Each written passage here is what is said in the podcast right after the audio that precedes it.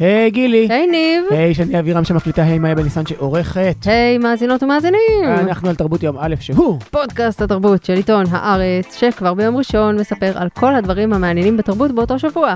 ומה שקורה בתרבות ומעניין השבוע זה שחוגגים 30 שנה לצאתו של צינורות, של אתגר קרת, מה שאומר שאנחנו חוגגים 30 שנה לנוכחותו של אדגר קרת בסצנת הספרות הישראלית. אה, וגם אה, לנוכחות של כל מיני קולות וכל מיני דרכי מסירה וכל מיני רעיונות שלא היו כאן קודם. כן, זה מה שרציתי להגיד, שהנוכחות שלו ממש אה, עשתה שידוד מערכות לספרות בית- בישראל. בעיטה ממש מתוכננת היטב בישבנה של הספרות, אני חושבת. משהו מנער כזה. את מדברת על הישבן, אני חשבתי יותר מקדימה, Mm. יותר למפסעה, אבל בסדר, זה מה שאדגר והספרות שלו עשו, אז הוא יהיה כאן ויהיה לנו ממש כיף לשוחח איתו. רגע, רגע, אבל גם בגלל שיש לנו רעיון ארוך עם אתגר, אז אנחנו נדחוס את כל יתר הדברים לסיבוב ארוך אך אה, משמעותי. כן, זה, אגב, כל התוכנית. גילי, היא סיבוב מהיר.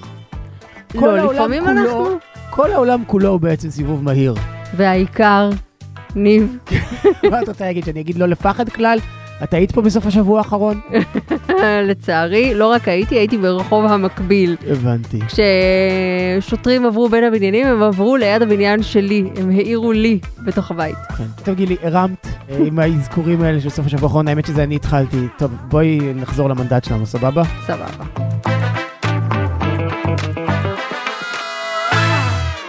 חושך ולילה ומאוד מזדיינים חם לי, רטוב לי, אפילו נעים. אני אומר לה את זה, היא כמעט נראית נרגשת. רק תזכור לגמור בחוץ, היא מבקשת. זה כואב לי בגוף להגיד את זה, אבל צינורות, שהוא ספר שאני זוכרת אותי, קוראת אותו כמעט בזמן אמת, ומקריאה ממנו שנים אחר כך, יצא לפני 30 שנה, והמאורע הזה יצוין ביום אה, רביעי הקרוב, נכון? נכון. באירוע תחת הכותרת הקייטנה של קרת, ואיתנו אתגר קרת, האורח החוזר, היי! היי. טוב זה- שבאת. אני אורח בומרנג. בסוף אני תמיד חוזר. מעולה, טוב שחזרת. אז אה, זה הולך להיות חתיכת אירוע, הולכים להשתתף בו גם קרן מור וגם שלומי שלומי שבן. שבן וערן רן צור. וגלעד כהנא ושירה זוגתי ו... ואני צריך, וואו, אני בטח שוכח, אבל עוד. כן, ממש מלא אנשים. כן, כן, זה מאוד חגיגי, וזה גם באמת, אני לא בן אדם של ימי הולדת, אבל אה, אני מרגיש שיום הולדת זה תמיד תירוץ להשיג משהו שממילא מתחשק לך, נניח לקבל עוגה, או שיקחו אותך לאיזשהו מקום שווה, אז בשבילי... או טייפ double cassette. או טייפ double cassette, אז אני אומר, אם הצלחתי בזכות זה שזה הספר יצא לפני 30 שנה, לאסוף כל כך הרבה אנשים שאני אוהב את היצירה שלהם, ושיתפתי איתם פעולה, ולהעביר איתם ערב ביחד, אז זה, זה כבר שיחוק. ממש שיחוק. אני גם אומר שזה גם sold out, זה כאילו אני בעצם, מה שקוראים, אני בא לגן כי אני מאוד אוהב אתכם, אבל אין מה לקדם כבר. אין. מקדם, מי שלא זה, מי שישן על האף, בעיה שלו. כן. אבל אני חושבת, אתה יודע, כאילו צינורות, זה היה ההתפוצצות שלך בזירת הספרות, ב nineties, זה חלק מההגדרות של מה זה היה לחיות ב nineties, והרוח החדשה הזו שהייתה כאן. ואני רוצה לבקש ממך להסתכל את השלושים שנה אחורה האלה, ולהגיד אם בזמן אמת אתה מרגיש שמשהו קורה. זאת אומרת, מה היה שם אצלך? אני כתבתי סיפורים לאורך כל השירות הצבאי שלי וגם כשהתחלתי ללמוד ואני אף פעם לא חשבתי על האפשרות לפרסם אותם כי לא ידעתי שיש דבר כזה אז אני בעצם הייתי נותן אותם לחברים ומבחינתי העניין הזה שפתאום באו ואמרו נוציא לך ספר שזה באמת הגיע במקרה דרך מרצה שלי שקרא סיפורים שלי במקרה והוא קצת והוא עזר לי אז גם לא הייתי מצפה לדבר הזה אז אני לא יודע מה לומר זה, זה הכל היה מאוד מאוד מבלבל. אני חושב שהדבר, שהמון דברים שהיו קשורים לספר, נניח עשיתי אותם לא כמו שצריך. אני זוכר ש, שאף עיתון לא רצה לראיין אותי, ואני זוכר שהתקשרתי לאילת נגב, שהייתה עיתונאית בחדשות, שתמיד הייתה מראיינת סופרים, וכאילו חשבתי שזה ככה זה הולך, ואמרתי, תשמעי, לא רוצים לראיין אותי, אבל אני חושב שבאמת, אה, שאם נשב ונדבר קצת, אז אולי תראי שאני מעניין, והיא ממש כזה, הייתה מאוד נחמדה, אבל מילימטר ככה מלהתקשר למשטרה. ואני גם זוכר שהספר מכר 800 עותקים, בכל מקום שהייתי מופיע, אז הייתי אומר, הוא מכר 800 עותקים. והתקשרו להם יחסי ציבור של הוצאה ואמרו לי שאני אפסיק להגיד את זה כי זה מעט. אז אני אומר באמת, בחוויה שלי הכל קרה, בתכלס זה ספר שקיבל ביקורות טובות, והייתה לו איזה נוכחות פולחנית, אבל מעט מאוד אנשים קראו אותו. מה הייתה ההשפעה שלך לכתוב את הספר הזה? זאת אומרת, אתה אומר, כתבתי סיפורים ולא ידעתי שזה יכול לקרות, שאני יכול להוציא אותם. כי גם אני חושב שאני בתור קורא, וגילי בטח תסכימי איתי, לא ידעתי שאפשר לקרוא כאלה ספרים. כשלימדו אותנו על ספרים, אז אתה בתיכון, ומלמדים אותך החטא ועונשו, והמאהב, וכאלה, ופתאום אתה קורא ספר שאתה אפילו לא מבין את המקורות שלו, ומאיפה זה מגיע, ואיך זה מגיע, ואז גם יש לו השפעה. את מדברת על שנות ה-90, אז שנות ה-90 בעיניי זה לא רק צינורות ואחר כך געגועי לקיסינג'ר, זה גם הגל הזה של כל uh, מישהו בן 20 ומשהו שרוצה להיות אתגר קרת, ואז מתחיל לחקות אותך, ואז יש גם איזה גל כזה של המון יוצרים והמון סופרים שמוציאים ספרי סיפורים קצרים. זה קצת, אני לא רוצה להכניס אותך למצב של חוסר נעימות, אבל זה נורא מזכיר לי את, נגיד, גל הלהקות שניסו לעשות נירוונה אחרי נירוונה. כאילו, ושום דבר לא היה דומה לנירוונה, ואני אומר נירוונה כי קורט קוביין הוא גם דמות בסיפור שלך. נכון. בקטנה של קנלר. אז הייתי שמח אם היית חוזר לתקופה הזאת ומשתף אותנו בה. למשל בצינורות יש סיפור כזה שקוראים לו כוכי, ויש המשכים גם כוכי 2 וכוכי 3. וכוכי הוא מין חייל כזה, שהוא אומר כל הזמן דברים מופרכים, וכל מה שהוא אומר מתגלה כנכון. וקוראים לו כוכי כי ההורים שלו נורא רצו בת, אז כשהוא נולד אז אה, הם קראו לו כוכבה.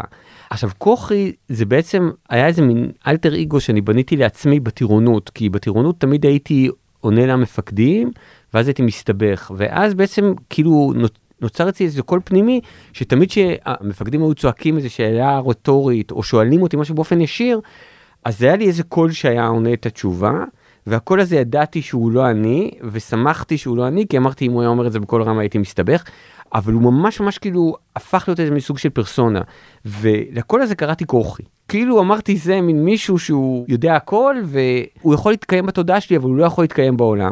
ואני חושב שמה שגיליתי בצבא זה שאתה כותב דברים, אז זה מין מקום כזה, זאת אומרת, זה נקודת מפגש בין המחשבה שלך לבין המציאות, זה משהו שאתה יכול לכתוב ולא להראות לאנשים שיכולים לסבך אותך, זה כן להראות לאנשים שקרובים אליך.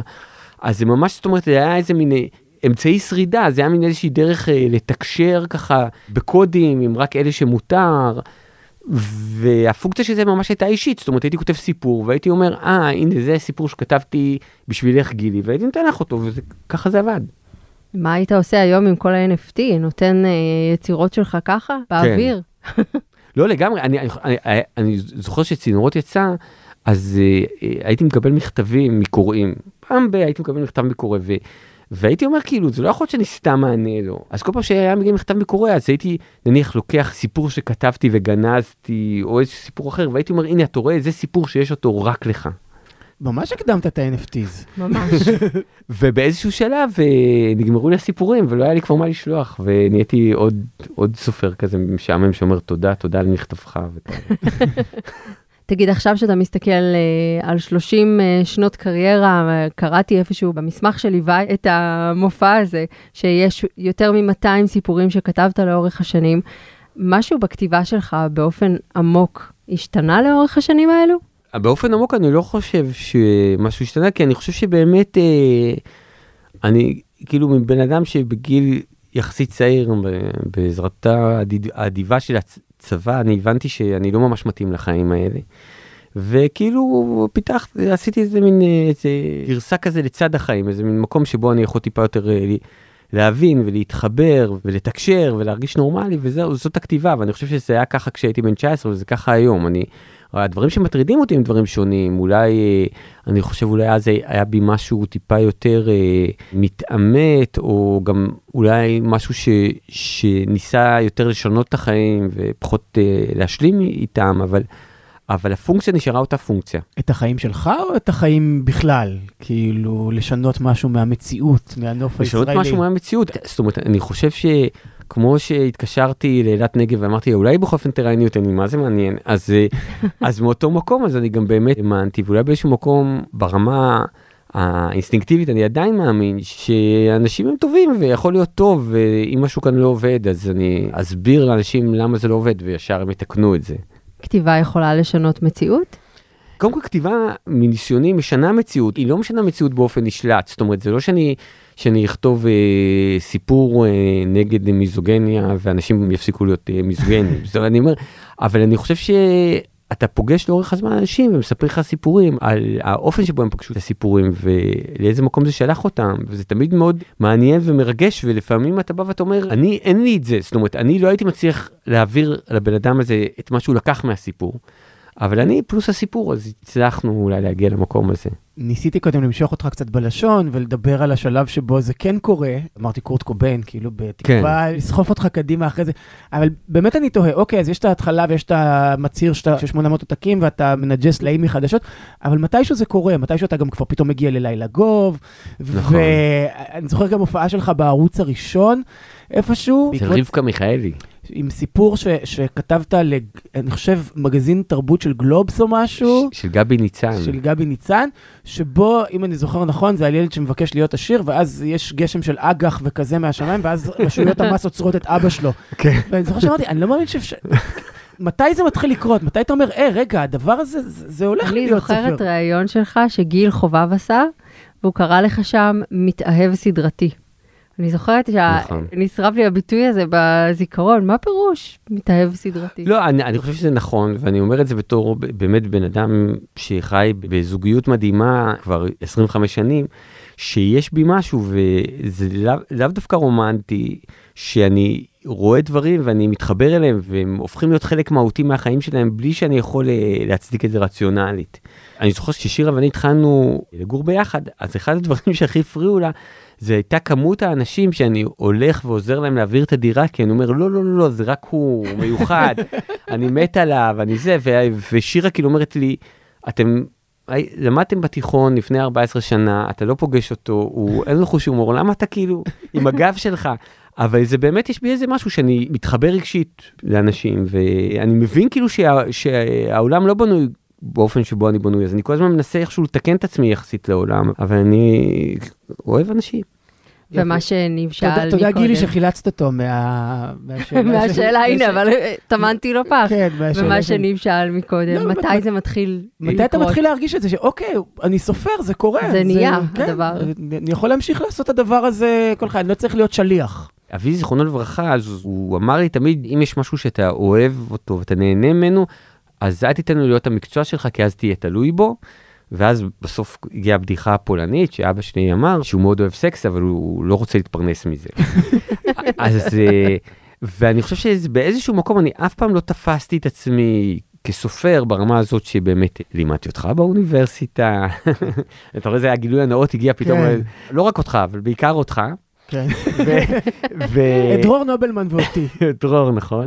והייתם התלמידים הכי טובים בכיתה האמת.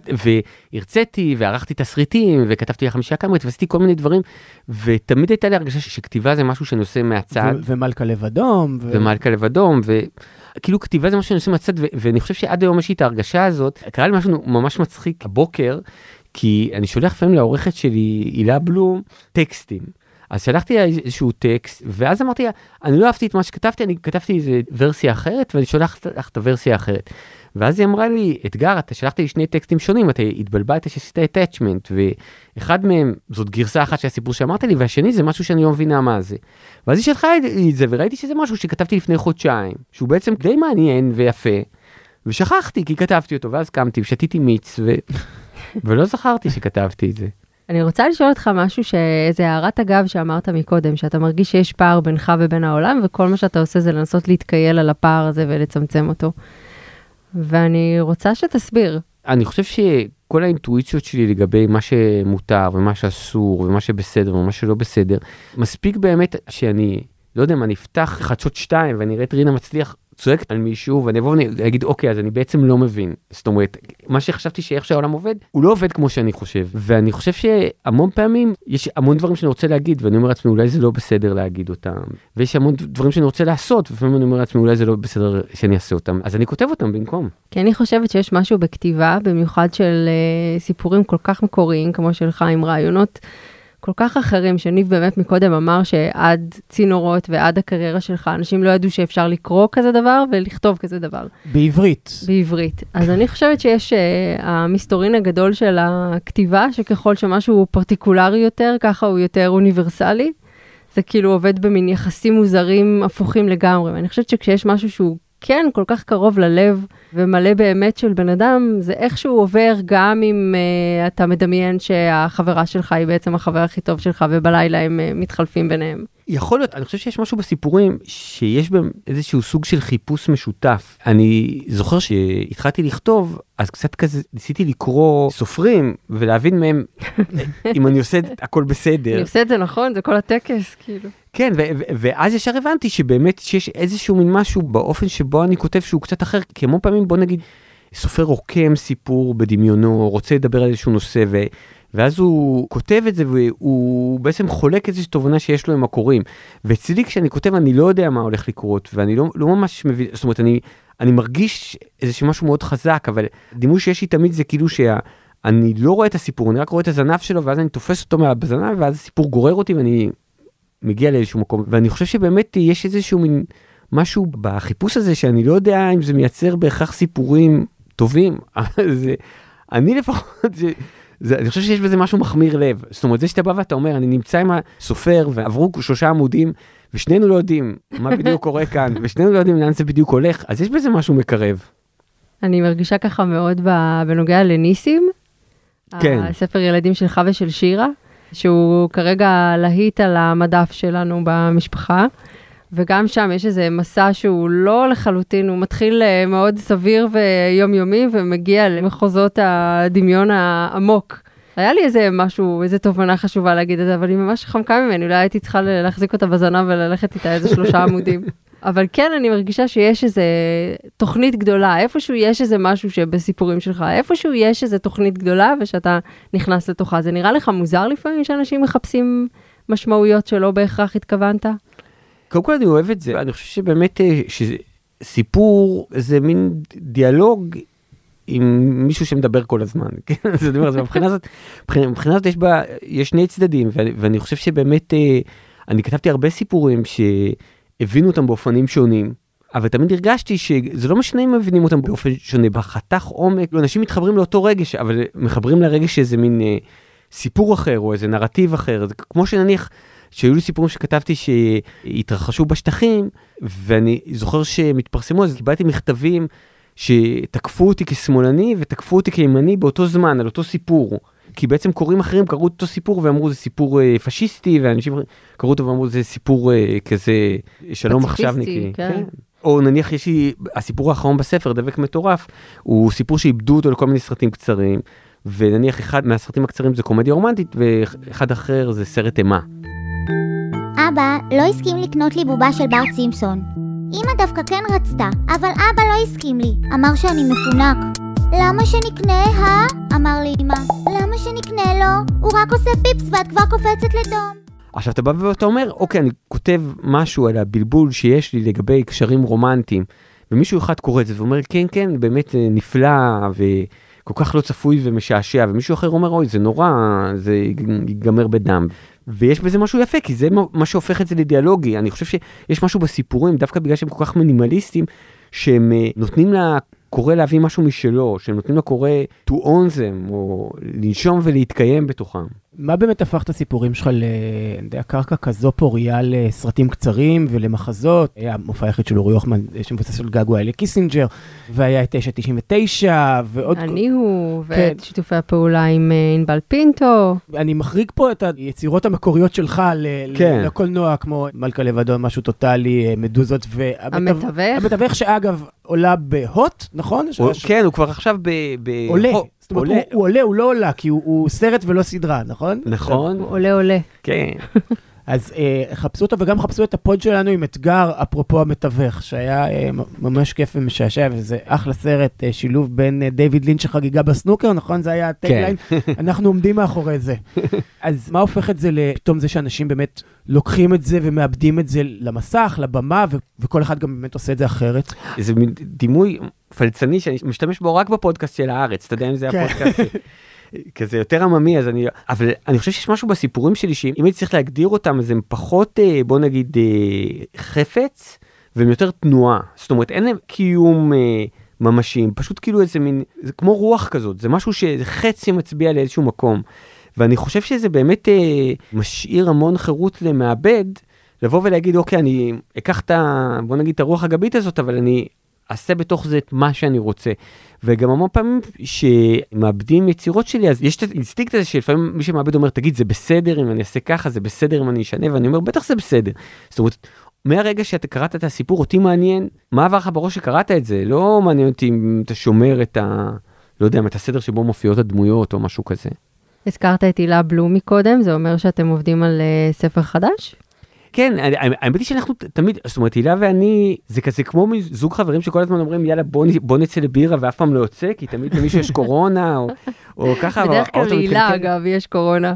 כן, אז זהו, אז זהו, אז אני אומר, אז הילה ואני, אנחנו כל הזמן אומרים, יאללה, בוא נעשה ספר, אבל זה תמיד לוקח איזה 6-7 שנים כל פעם, ובשש-שבע שנים אני כל פעם אומר לה, אה, כתבתי את זה, כתבתי את זה, מה את חושבת שזה טוב, זה מעניין, ואז גם באמת שאנחנו באים לעבוד על הספר, אז התפקיד שיש לי הילה במערכת היחסים בינינו, שהוא באמת הוא ייחודי והיא פטורה ממנו כשהיא עובדת עם סופרים יותר בוגרים, שבעצם היא היחידה שיודעת איזה סיפורים יש לי, כי היא אוספת את הסיפורים שאני שולח לה, ואז אנחנו רוצים לעבוד על ספר, אז היא אומרת, הנה, אלה כל הסיפורים, ותמיד כשהיא שולחת לי אותם, אז יש איזה חמישה או שישה שאני פספסתי או שכחתי, ו...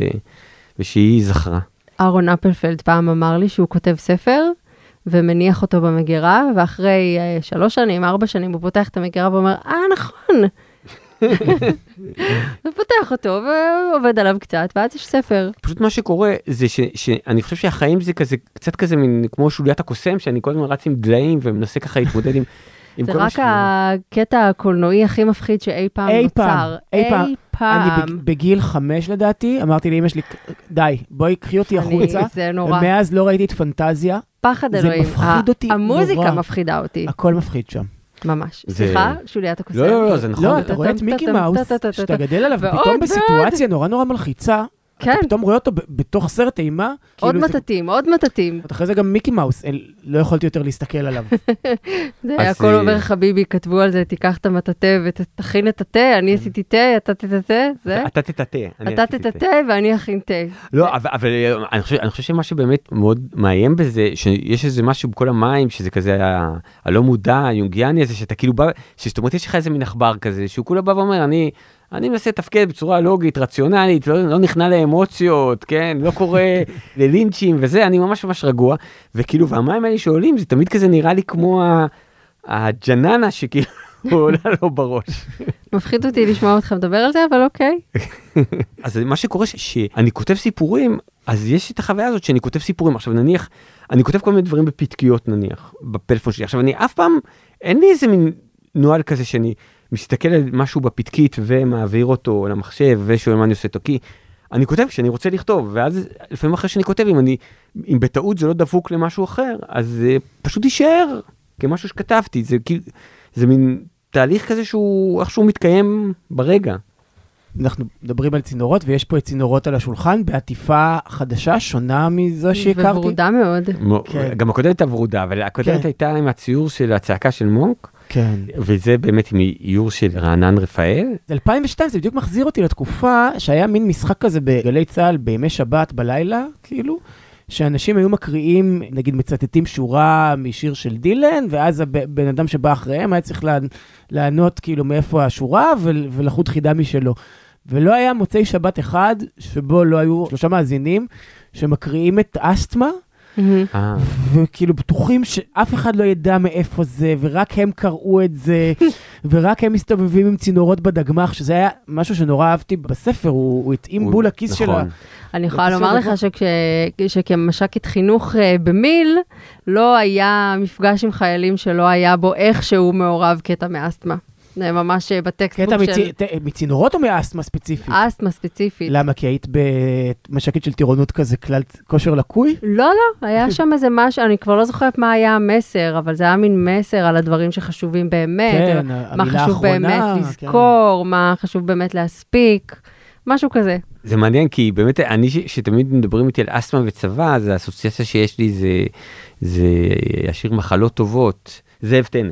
אז יש שיר כזה שהוא באמת שמישהו שיש לו אסתמה, וכל הילדים משחקים כדורגל, והוא לא יכול לשחק כדורגל, וכל הילדים עושים דברים, והוא מעשנים, והוא לא יכול לעשן, ואז כל הילדים הולכים למלחמת לבנון, ואומרים שהוא לא יכול ללכת למלח- למלחמת לבנון, שהוא לא יכול כי יש לו כושר מוגבל. Mm.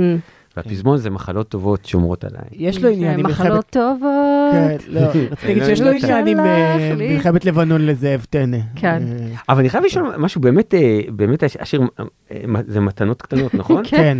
שאומרים, איך אומרים, רסיסים של כוונה, עיגולים של אמונה, נכון? מהמם. עכשיו, רסיסים ו- ועיגולים, זה לא, לי זה תמיד עושה אסוציאציה של עושים דאודורנט בקיץ, לא? כן. או שרסיסי רוק. כן, יש לי כזה, דוחי. את רוצה, עיגול של כוונה, כן, זה כאילו, זה- מאיפה זה בא? כאילו, לא, אני- הדימוי לא מתחבר כוונה לי. טובה לזה, ל- לעשות ספורט, ויצא. רסיסים של כוונה. רסיסים.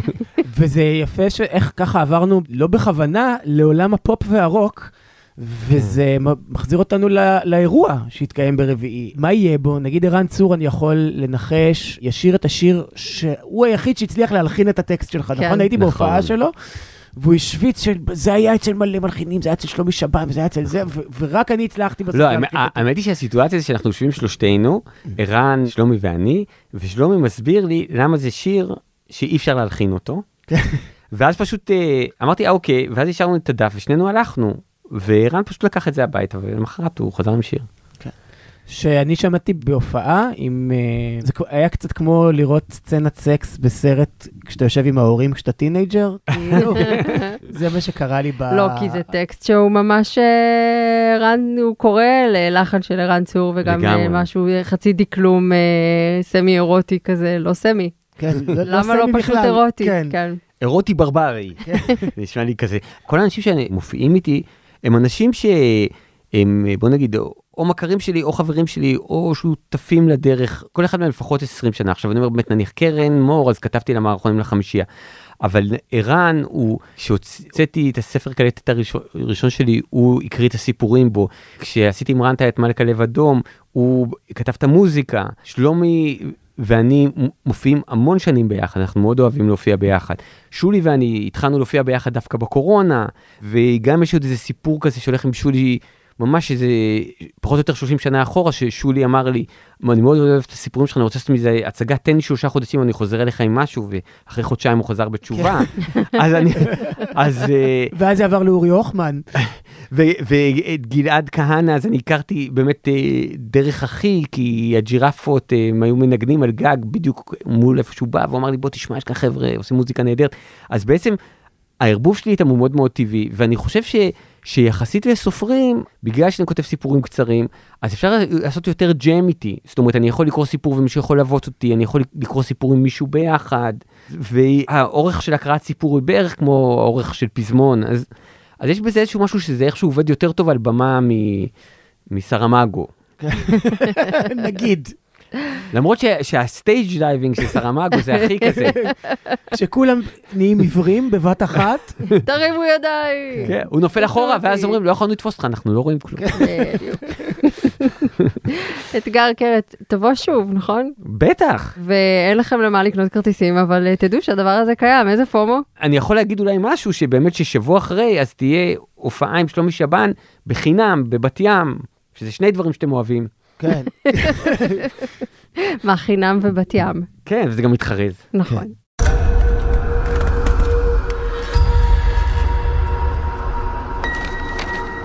After you, ma'am. right leg belongs to a black male, the right arm to an East Asian female, and a Caucasian male head. גילי, את רוצה לחיות מהר עם סיבוב מהיר? אני רוצה לחיות מהר ולהספיק הרבה. ועם עם מה תתחילי? אני בהספק אתחיל הזה? עם אה, שתי סדרות אה, מתח בריטיות, שאני חושבת שזה הז'אנר הכי אה, פורה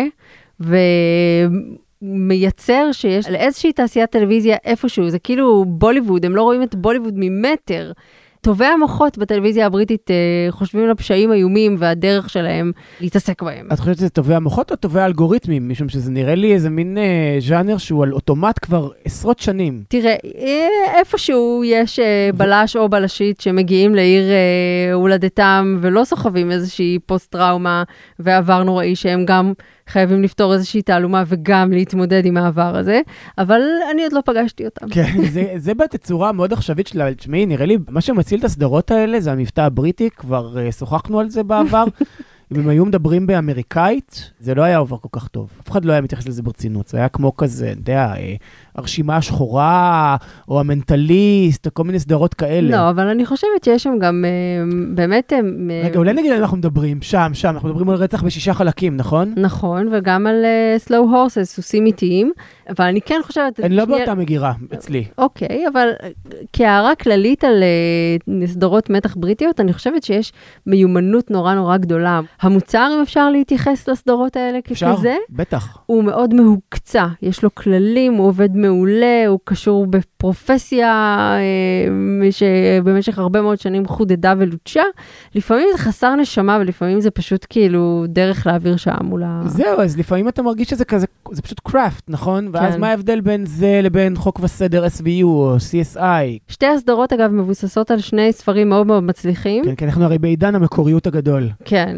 התחיל ממה שאתה אהבת פחות, ואני דווקא חושבת שהיא סדרה טובה, רצח בשישה חלקים. זה לא שאהבתי פחות, זה כל מה שאני שונא בטלוויזיה, אבל כן, תתחילי. אוקיי, אם אתה רוצה להיות... אה, understatement. כן, אם אתה רוצה לדבוק בדברים אה, לא, לא ברורים, אז סבבה. רצח בשישה חלקים נקרא גם Ragdoll, מהמם. כמו בובת אה, סמרטוטים, על שם הפשע שמחולל את כל הדבר הזה, והוא גופה, אם אפשר לקרוא לה ככה, שמורכבת בעצם משישה חלקי גופות של אנשים שנרצחו על ידי אותו פסיכופת. ומרמזת לאיזשהו קשר לנייתן רוז, הבלש ש... שנראה כמו דובי ממייקל, נכון? עם הזקן הצרפתי המגוחך הזה. אני לא חושבת שהוא נראה כמו דובי, אבל סבבה, הוא אני עצמו... אני קורא, אצלי הוא דובי. אוקיי, אז דובי. כן. הוא סוחב את הפוסט-טראומה הקשה מאוד שלו מפרשייה אחרת שהוא היה מעורב בה. עם ו- רוצח פסיכופת לא פחות. עם רוצח פסיכופת, לא פחות ממנו, שהביאה אותו גם למחלקה הסגורה, וגם מרמזת על איזשהו קשר אישי שיש לו לרוצח החדש, רוצח בובת הסמרטוטים הזו.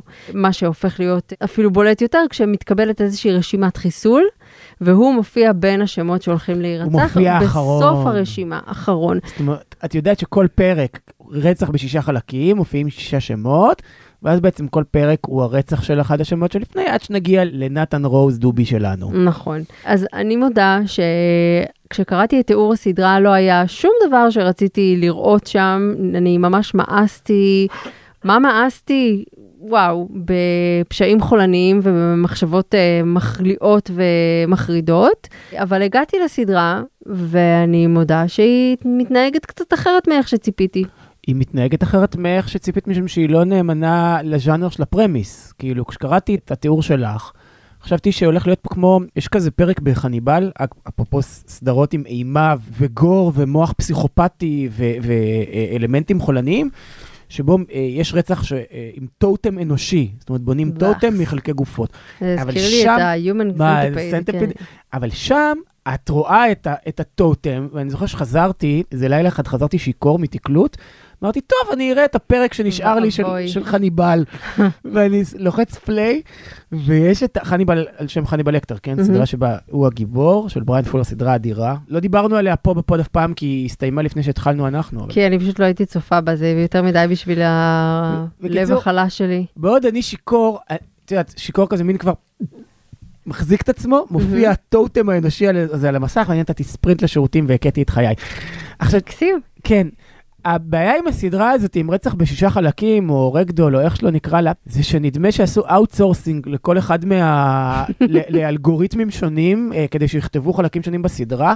זאת אומרת, מצד אחד יש לנו שוטר עם פוסט-טראומה מאוד מאוד קשה, אבל כשהוא מדבר, נגיד, בדיאלוגים שאותם כתב אלגוריתם הדיאלוגים, כשהוא מדבר עם השותפה שלו, slash אהובתו, על הפשע, הוא מתבדח על זה כאילו זה קרה למישהו אחר, וזה כאילו, הוא איזה מין... אה, אה, ציניקן שכבר כל כך אטום, שיכול, את יודעת, להתבדח על הכל ול- ולהשתעשע על חשבון הכל, וכשהם אה, מגיעים לזירת הרצח, שהיא מחרידה, ואגב, אנחנו לא רואים את הזירה, אנחנו רק שומעים עליה, לא רואים ממש כמו בחניבל את הטוטם, רואים... רואים? ברור רואים. כן, אבל בקטנה, זה גם לא, לא נראה בכלל מגעיל. הוא צוחק על זה, והם מספרים בדיחות, וכל אחד... הם אומרים, זה משחקי נורא מ- מספיק בשביל שיהיה על זה פודקאסט. כן, ו- ומשחקי מילים, והמון רפרנסים לתרבות הפופ וזה. וזה לא אותו בן אדם ששלוש סצנות אחר כך אנחנו רואים אותו פתאום נכנס למצב פוסט-טראומטי ופלשבק למה שקרה. אבל זה רק יש- הופך אותו לדמות יותר עגולה ויותר אז מורכבת זהו, בעיניי, בעיניי. בעיניי זה לא עגולה ומורכבת, זה פשוט מנותק אחד מהשני, כי, כי דבר לא מוביל לדבר, ואז הוא שוב מגיע לדיאלוגים, והם שוב שנונים, זה מה שנקרא כתוב בשנינות בריטית, ומדוקלם במבטא בריטי, ואז בגלל זה זה כאילו מה שפעם קראו טלוויזיה איכותית. אתה אבל- עושה גרשיים באוויר, כן, אני שונא וזה- לעשות גרשיים באוויר, ואני שונא להגיד איכותי בסרקזם, אבל זו הייתה התחושה שלי, שכאילו יש פה איזה מין מכניזם שהוא נורא נורא ברור וקיבץ המון המון דברים מכל מיני אה, סדרות, נגיד יש בזה קצת את הרוח של Killing Eve, של. מהמם. הקלות הזאת של התמודדות עם פשעים מחרידים, כשאתה בעצמך איזה מין מישהו אה, סרקסטי ויודע לצחוק על הכל מהצד. לא התיישב לי, ו- והכל ביחד, כל ההלחם הזה יצר בי סלידה מאוד מאוד עמוקה מהסדרה הזאת. זה, זה, אני לא רוצה לראות אותה, אני, אני שונא אותה. די, אתה, יש לך רגשות מאוד עזים כי לגבי זה כל מה ש- תוכנית אה, טלוויזיה שהיא בסך הכל... כי את יודעת, אני מצטער שאני משווה את זה ל- ל- ליהלומי הרגע, אבל אתה רואה בסוף שבוע את הפרק האחרון של ניתוק, ואת הפרק האחרון של אטלנטה. אתה אומר, וואו, לאן טלוויזיה יכולה ללכת? ואז עוד פעם, אתה רואה את השבלונות האלה, וזה גם שבלונה שנעשתה לא כמו שצריך, מישהו אה, יתבלבל. שעטנז. כן, ש- ש- שעטנז של שבלונה, ואני אני לא רוצה, לא רוצה כאלה יותר, זה סתם בזבוז זמן, יש יותר מדי סדרות טובות לראות בשביל לחזור על איזה אה, שבלונה לפעמים בריטית. אתה רוצה רק איזה משהו לאשפז מולו את המוח שלך, מה שמביא לא מביא רוצה אותי כבר, לא רוצה. לסוסים איטיים, גם הוא ספר שאפילו תורגם ויצא, ספר של מיק אה, הרון, שתורגם ויצא בארץ בהוצאת אריה ניר. I, I don't normally do these kind of speeches, but this feels like a big moment. I know it's not easy being banished from MI5 to my department, but that's on you. Only screw ups get sent to Slayer House, and I've got to be honest. Working with you has been the lowest point in a disappointing career. אז זהו, אם כבר, אז כזה שיהיה, את מבינה? כן, והוא מספר על המסלול של אה, המרגלים? ה... של המרגלים החיגרים, הלא יוצלחים, אלה שהשירות לא הצליח לפטר אותם, אבל כן צריך מישהו שיחטט בזבל לאיזה מישהו, אז הוא שומר אותם באיזה בית מתפורר, שבתוכו יושב אה, מטה אפילו לא שהשירות כזה בלונדון. מין... כזה מין בז לו ומתייחס אליו כאח המרוט וה... הלא מתוקצב, הלא מספיק אינטליגנטי, ומחוץ, גירשו אותם, זה אפילו לא בלונדון, הם באיזה מין פרבר, אבל גם לא פרבר זוהר של לונדון. מקום הכי מעפן. ואגב, אפרופו רגע קודם אמרתי אטלנטה, סוגריים, התנצלות, אנחנו חייבים את זה למאזינותינו ומאזיננו. בשבוע שעבר אמרנו, שלא בצדק, אני אמרתי, הכרזתי בביטחון מלא על החג ההולנדי המומצא שדונלד גלובר תפר בהולנד, לא מומצא ולא בטיח. Mm. חג הולנדי אמיתי, ים של מאזינות ומאזינים הסבו את תשומת ליבנו לסיפור הזה, אני מתנצל, טעות שלי. ניב, אנחנו צריכים לעשות שיעורי בית וללכת אה, לנסוע לאמסטרדם קצת, אה, לעשות אה, מחקר לדעתי. אין ברירה. אין ברירה, לא תהיה ברירה. צריך לבדוק איך חוגגים בימים אלה את החג הזה, והאם יש אמת באטלנטה. בוא סליחה. נחזור אבל לסוסים אה, איטיים, כן. slow horses, כן, אז באפל אגב. אפל המשתפרת, אגב. אפל המשתפרת ממש, אנחנו עשינו מנוי בכסף טוב. כן, ומה מה אני אגיד לך, זה, זה עובד לי בעיקר כי, א', אני אוהב את, ה, את הסיפור הזה של האנדרדוגים של ה-MI5. אף פעם לא פגשנו אותם, נכון? את אגף מהמם. הדחויים. זה קצת כמו הסמויה מתחילה ככה, זה כאילו אגף הדחויים של משטרת בולטימור, כל אלה שרוצים להיפטר מהם, אבל אי אפשר, אז דוחקים אותם ביחד במחסן, אבל מה קורה כשאתה שם את כל הלוזרים האלה ביחד, פתאום יכול להיווצר איזה כוח שלא חשבת עליו? מהמם. בוודאי עם המפקד שלהם, שאיך הוא קורא להם שיעלו אליו במשרד, הוא רוקע ברגליו. המפקד שלהם הוא גרי אולדמן, יודע לשחק מרגלים, הוא כבר היה סוכן MI5 יותר מוצלח, כשהוא היה, היה סוכן סמיילי, פי ג'ון לקארה, ופה הוא כאילו... תמיד אה, גרי אולטמן משחק את הרשע, נכון? תמיד הדמות לפח- של המרושע. אני לא יודע אם מרושע, הוא קצת, אה, כן, הוא קצת מרושע, נכון, יש בו אלמנט... תמיד יש לו איזה, כן, תמיד הרע הזה. הוא לא רע, אבל פה הוא לא רע. הוא לא הרע, הוא לא ה-evil, הוא לא הנבל, ההפך, אבל הוא, הוא קצת, את רואה שהוא, הוא, החיים לא הקלו עליו. הוא לא... מין בוס מתעמר כזה, אבל כזה שאולי לבך נחמר על אה, כמה שהוא אלכוהוליסט כן, אבל- ומשוגע. אבל לפחות פה הוא משחק אדם בן גילו, ולא כמו במנק, שגרי אולדמן, שהוא כבר מעל 60 לדעתי, משחק גבר בן 34. אז בסדר, לפחות זה age appropriate, נכון? כן, בכל זאת אולדמן, הא כן. ואה, מצחיק נורא. ואת הבוסית בוסית שלו, זאת אומרת, זאתי מה-MI5 המקובלים, משחקת קריסטין סקוט תומאס. והיא נראית כמו ג'יליאן אנדרסון מעלי אקספרס, נכון? כזה... אני קריסטין סקוט תומאס היא לא משום עלי אקספרס, גברתי, היא רק מסלפרידג'ס. טוב, אז אה, שתיהן מומלצות בעיניי, אתה אהבת יותר את Slow Horses, אני... לא יותר, Slow Horses אהבתי, את השנייה שנאתי. אוקיי, לי אין רגשות כל כך עזים בנוגע לסדרות האלה, לא לכאן ולא לכאן. מה הלאה? מה הלאה, סטנדאפ? Been trying to be very honest because my whole life was shrouded in secrets. And figured the only route I haven't tried was the truth. So I'm saying everything. גם שבוע שעבר היה מופע, נעשה את זה קצר, כי באמת אני לא רוצה לעשות יותר מדי ספוילרים, למרות שכבר קצת קשה לחמוק מהספוילר הזה. תראו את המופע החדש של uh, ג'רוד קרמייקל, שהוא קומיקאי שאני מאוד אוהב גם, uh, הוא הופיע, אם את זוכרת, בסרט של uh, סת' רוגן על סוף העולם, mm-hmm. יש לו שם הופעת uh, אורח נורא מצחיקה, וגם הוא, הוא מופיע בשנות ה-90 של ג'ונה היל, וגם היה לו סיטקום שלו, וגם כמה מופעי special uh, ב-HBO כולם.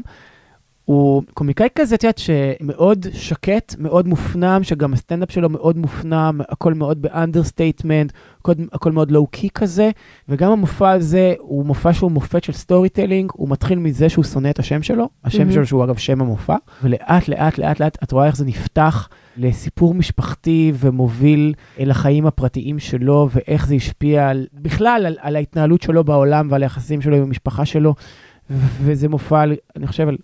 גבריות שחורה, ומהי גבריות בכלל, מאוד מעניין. איפה נותנים? לא, זה, זה לא גם מעניין. ב-yes והוט, mm-hmm. כל מקום שיש בו HBO, זה לא רק במובן השחור, זה לא רק uh, ניב האשכנתו הזה עם רגשי הנחיתות uh, רוצה להרגיש uh, שהוא מבין בתרבות השחורה האמריקאית. לא, זה, זה משהו אחר, אני חושב שזה משהו על, על אמת והאמת שלנו והסיפורים שאנחנו מספרים לעצמנו ואיך שאנחנו מציגים את עצמנו בעולם ואיך שאנחנו מתנהלים בעולם ומה משפיע על היחסים שלנו עם ההורים שלנו. זה מאוד מאוד חזק באופן שבו אני חושב, הוא מגולל את הסיפור הזה. זה נורא מצחיק, כן? כאילו, יש בדיחות טובות. אבל לא סטנדאפ per se, זה לא סטנדאפ שאת... זה קצת מזכיר לי את הסטנדאפ של טיילור טומלינסון, שזמין ב... נטפליקס. בנטפליקס, הסטנדאפ החדש, שבו היא מתעסקת בעיקר במחלת הנפש שלה. כן, הוא לא אה, מצחיק כמו הקודם, הקודם היה נורא מצחיק. כן, וזה הוא קצת יותר בכיוונים של הריאליזם הכואב. היו רק שני מקומות שבהם צחקתי ממש במופע שלה, עם הצימוק, תני לי לנחש? כן. ולקראת הסוף, look at you, כן. כשם המופע, אבל הוא כן היה מעניין. זאת אומרת, היה מאוד מעניין לראות את זה, ובכלל לראות את הדור החדש של קומיקאים מתמודדים עם השיט של החיים שלהם ועושים ממנו אומנות. זה תמיד דבר יפה. במה נסיים? נסיים עם שתי המלצות מוזיקה? יאללה, את מסכימה כן, לי? שתיים. שתיים. אז ככה, כן, חייב שתיים. לי אחת. אז אחת, הראשונה נתחיל, אם היינו כבר כאילו ב vibe השחור, Mhm. אז אה, וינס סטייפלס. אולי הראפר האהוב עליי כרגע, נגיד כאילו, אני חושב, אמרתי את זה כבר, שכל עוד קנדריק למר לא מוציא אלבום חדש, אז הוא, אז הוא הראפר האהוב עליי. הוא הוציא אלבום חדש בשם אה, Ramona Park Broke My Heart. האלבום פשוט מעולה, באמת, אין, אין ראפר בן זמננו טוב ממנו לדעתי. תשמעו את זה, את יודעת, אחלה היפ-הופ. מהמם. האלבום השני שאני רוצה להמליץ עליו הוא של אה, אחד מוותיקי אה, זמרי הרגאיי, אגדה ג'מייקנית, הוראס אנדי, את מכירה אותו כי הוא משתתף בכל אלבום של מאסיב אטאק? Hmm. זאת אומרת, אז כל אה, שיר של מאסיב אטאק שהוא כזה בגוון רגאיי, אז אה, תמיד הקול של הוראס אנדי בו, ועכשיו מוציא אלבום חדש שנקרא Midnight Rocker. השם לקוח מתוך שורה אה, בשיר של מאסיב אטאק, אם את זוכרת, Safe From Harm, שזה שיר שדווקא לא הוא. תניח שר. שאני לא זוכרת, כן. כן, שזה שיר שדווקא לא הוא שר אלא שרה נלסון, והוא הוא עושה לו קאבר באלבום הזה, וזה אלבום נורא מעניין, מי שלקח אותו תחת חסותו, הפעם ת, מצחיק לקחת אדם בן 71 תחת חסותו, אבל זה אדריאן שרווד, הסנדק של הדאב הבריטי, עושה את זה כבר 40 שנה, והוא הפיק לו פה אלבום, ופתאום אורס אנדי נשמע שוב טרי ו- וחדש ומסעיר.